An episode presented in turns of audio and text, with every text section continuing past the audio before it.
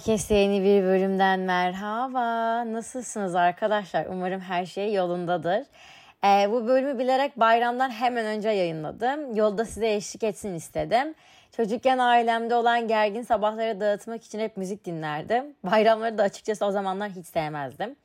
Ne zaman annem ve babam boşandı, e, bayramlar benim için o güzel reklamlarda olan bayramlara döndü. Annemle anne tarafımı gezmeye başladım ve o tarafı aşırı derecede seviyordum. O zaman hayat daha keyifliydi açıkçası benim için. Ee, bunun dışında annem ve babam evliyken tek sınavım müzik dinlemek ve hayaller kurmaktı. Bazen de o zamanlar Wattpad falan vardı. Ee, benim yaşım da şu an ortaya çıktı. Ee, şaka bir yana işte o zamanlar hep hayaller kurardım. Ee, bazen çok başarılı olup ödüller aldığımı, bazen beni çok seven insanla beraber oldum ama mutlaka hayal kurardım. Hayal kurmayı aşırı derecede seviyorum. Kendim bildiğim bile de hayal kurarım. Ee, gerçekleşme ihtimali olan veya olmayan şeyleri düşünmek anlık olarak kafamı dağıtmış olsa da aslında bana içten içe büyük bir yaşam motivasyonu veriyor. Ee, yaşım büyüdükçe hayal kurmalarıma devam ettim bu arada. Hala da yapıyorum bunu. Bazen uyumadan önce, bazen e, bir yere giderken ama genelde her boş vaktinde hayal kurmayı tercih ediyorum. E, kendimi sadece konuşarak değil açıkçası anlık olarak yazarak da çok daha e, rahat ifade ettiğimi fark ettim. Burada her şeyi konuşuyor olabilirim ama genelde buraya hep sakin kafamla geliyorum. Anlık sinir anında yazdığım birkaç cümleyi telefonumun notlar kısmında buldum. Şimdi sizinle onu paylaşıyorum. Ne büyük hatalar yapmışım. Aslında kendimi ön plana koyuyorum derken ne kadar arka plana atmışım.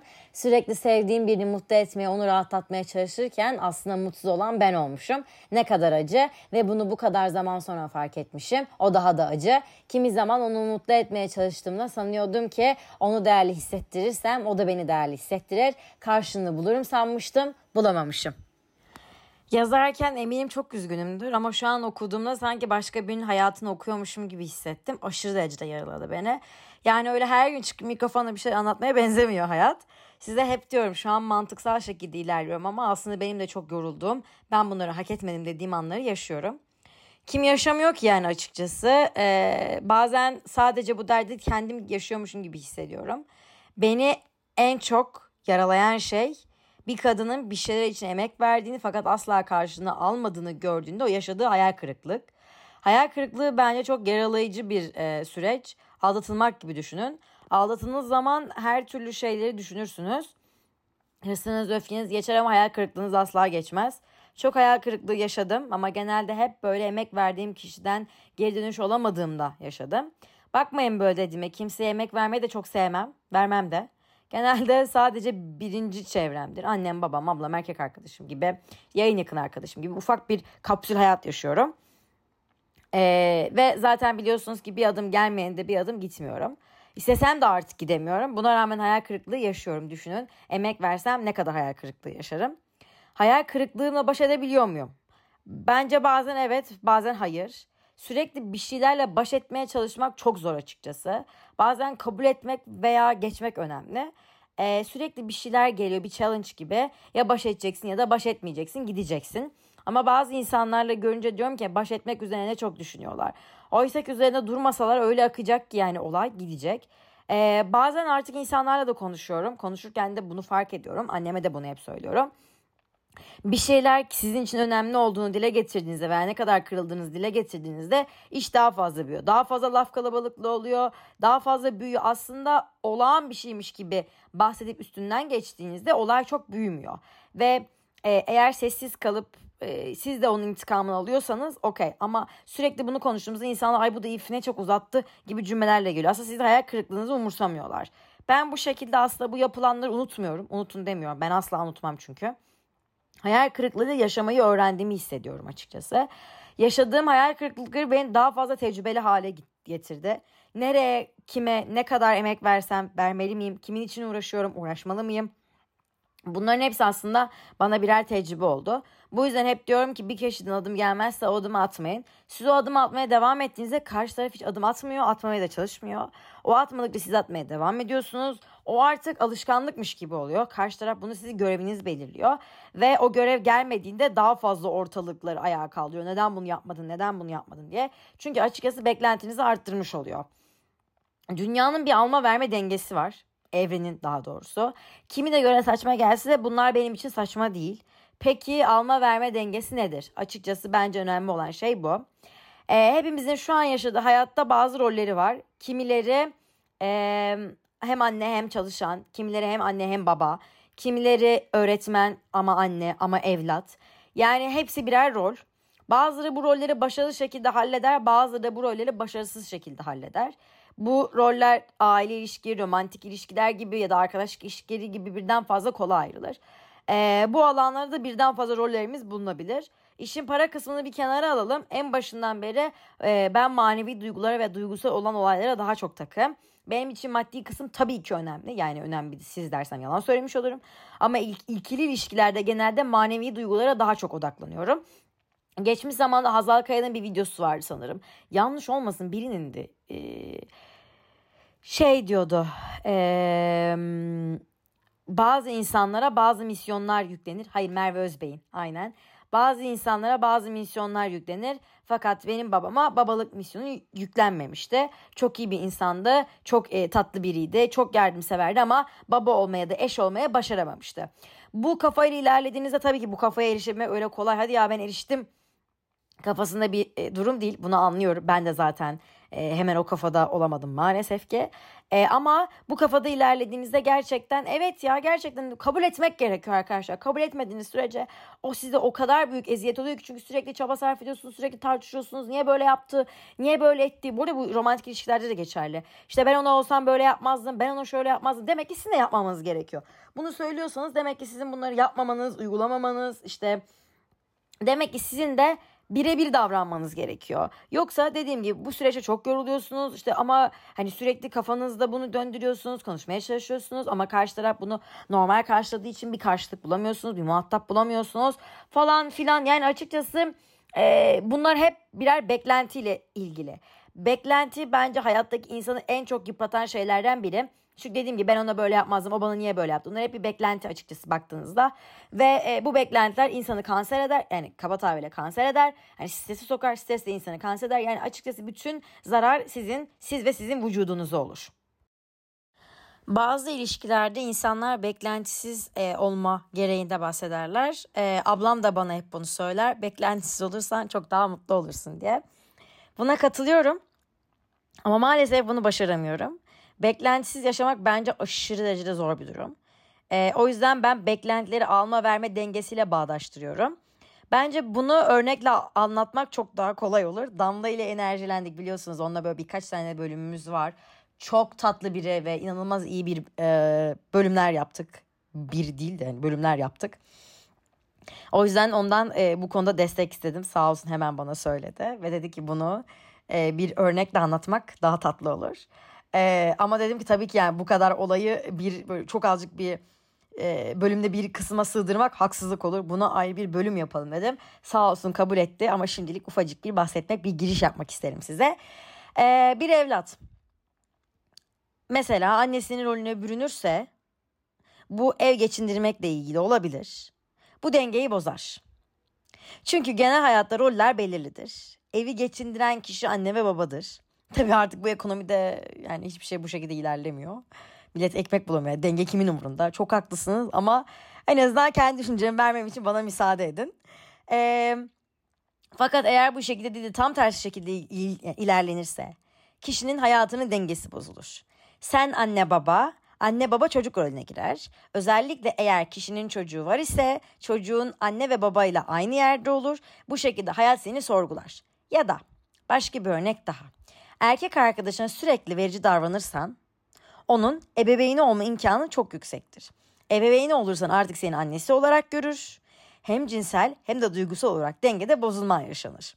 Çünkü kimse kendi annesine karşı cinsel bir şey hissetmez ve bu denge hani bozumu hayatın olan her şeyi e, etkiler. Şöyle düşünün e, annesine karşı cinsel bir şey hissetmeyeceği için bu aslında cinsel olan ilişkinizi de bozmuş olur. Ee, sonra ilişkilerde hayal kırıklıkları yaşanabilir. İnsanların hayata güveni azalabilir. Verilen emek ve işte değerlerini sömürülebilir ya da sömürüldüğüne yönelik duygulu, duygular oluşabilir. Genel olarak bereketi azalır. kıtlık bilinci ortaya çıkar. İşte tükenmişlik, yorgunluk, bıkkınlık gibi hisler ortaya çıkar. İlişkiler bitebilir, dostluklar bitebilir, arkadaşlıklar bitebilir, depresyon gibi psikolojik rahatsızlıklar baş gösterebilir.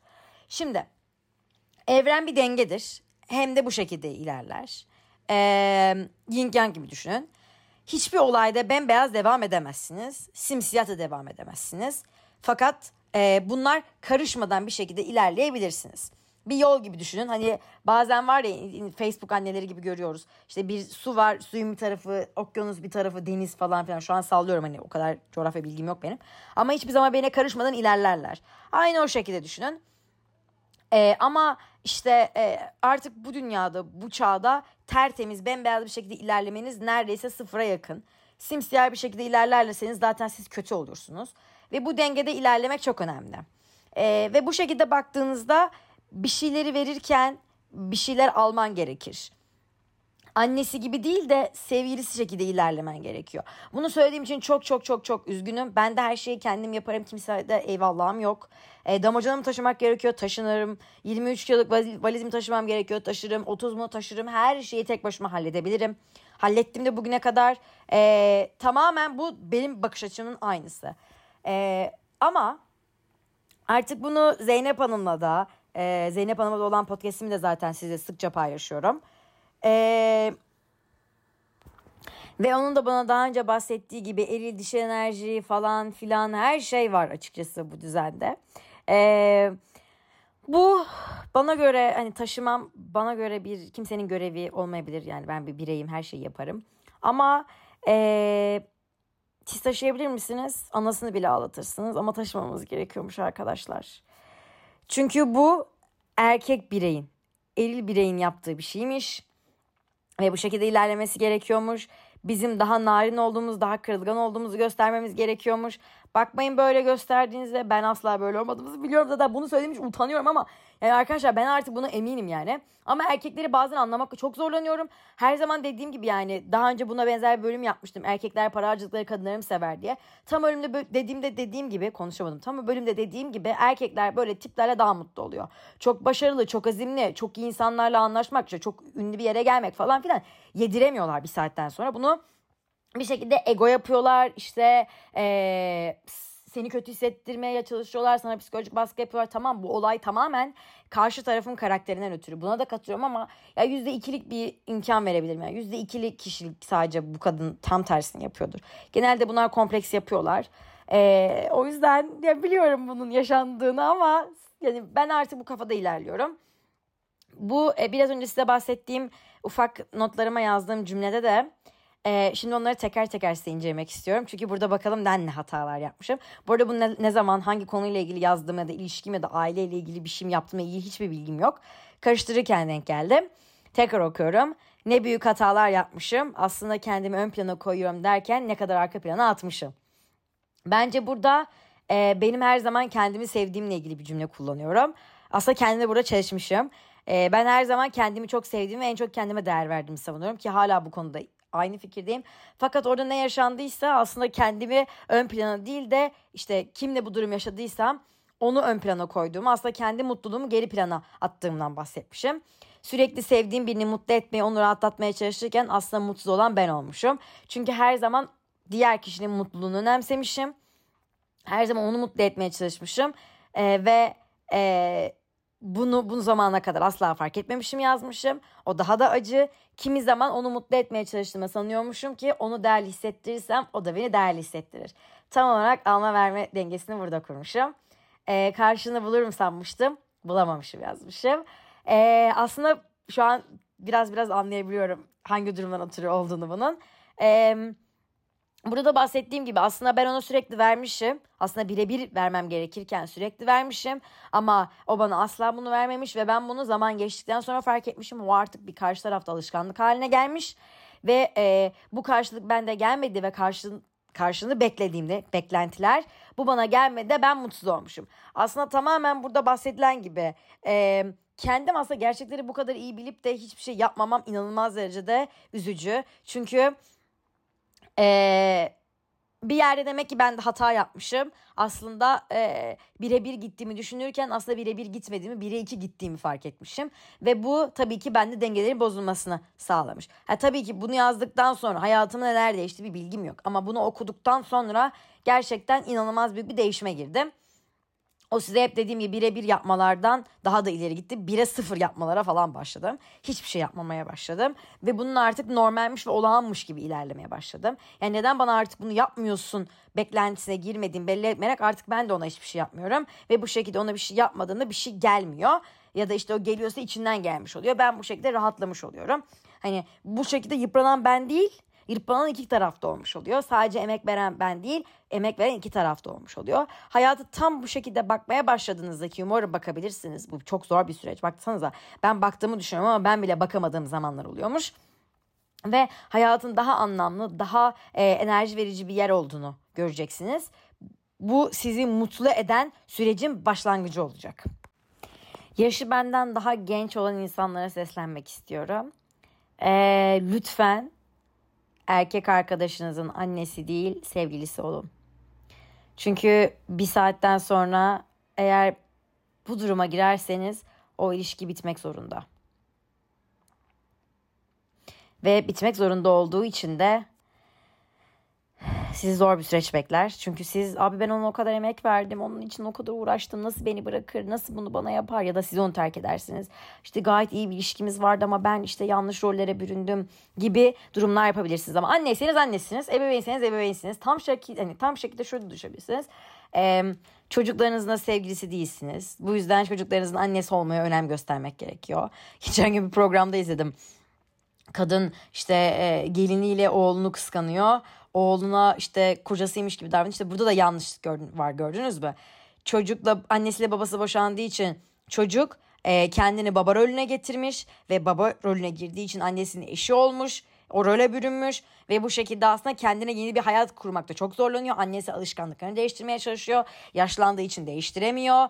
Ve ne oluyor? Alma verme dengesi bozuldu. Sonra yeni bir evlilik yapmaya çalışıyor. Ev, karısını mutlu edemiyor çünkü sürekli annesiyle uğraşıyor. Annesi müsaade etmiyor çünkü oğlunu eşiymiş gibi görüyor falan filan. Ya aslında bu da işin özünü anladınız değil mi? Herkes rolü neyse o rolde kalsın arkadaşlar. Kimse ekstradan role bürünmesin. Kimse ekstradan kendine bir rol almasın. Bu şekilde tertemiz mis gibi ilerlemek gerekiyor. Umarım e, bu bayramınızda sizi Asya sokan insanlarla e, muhatap olursunuz.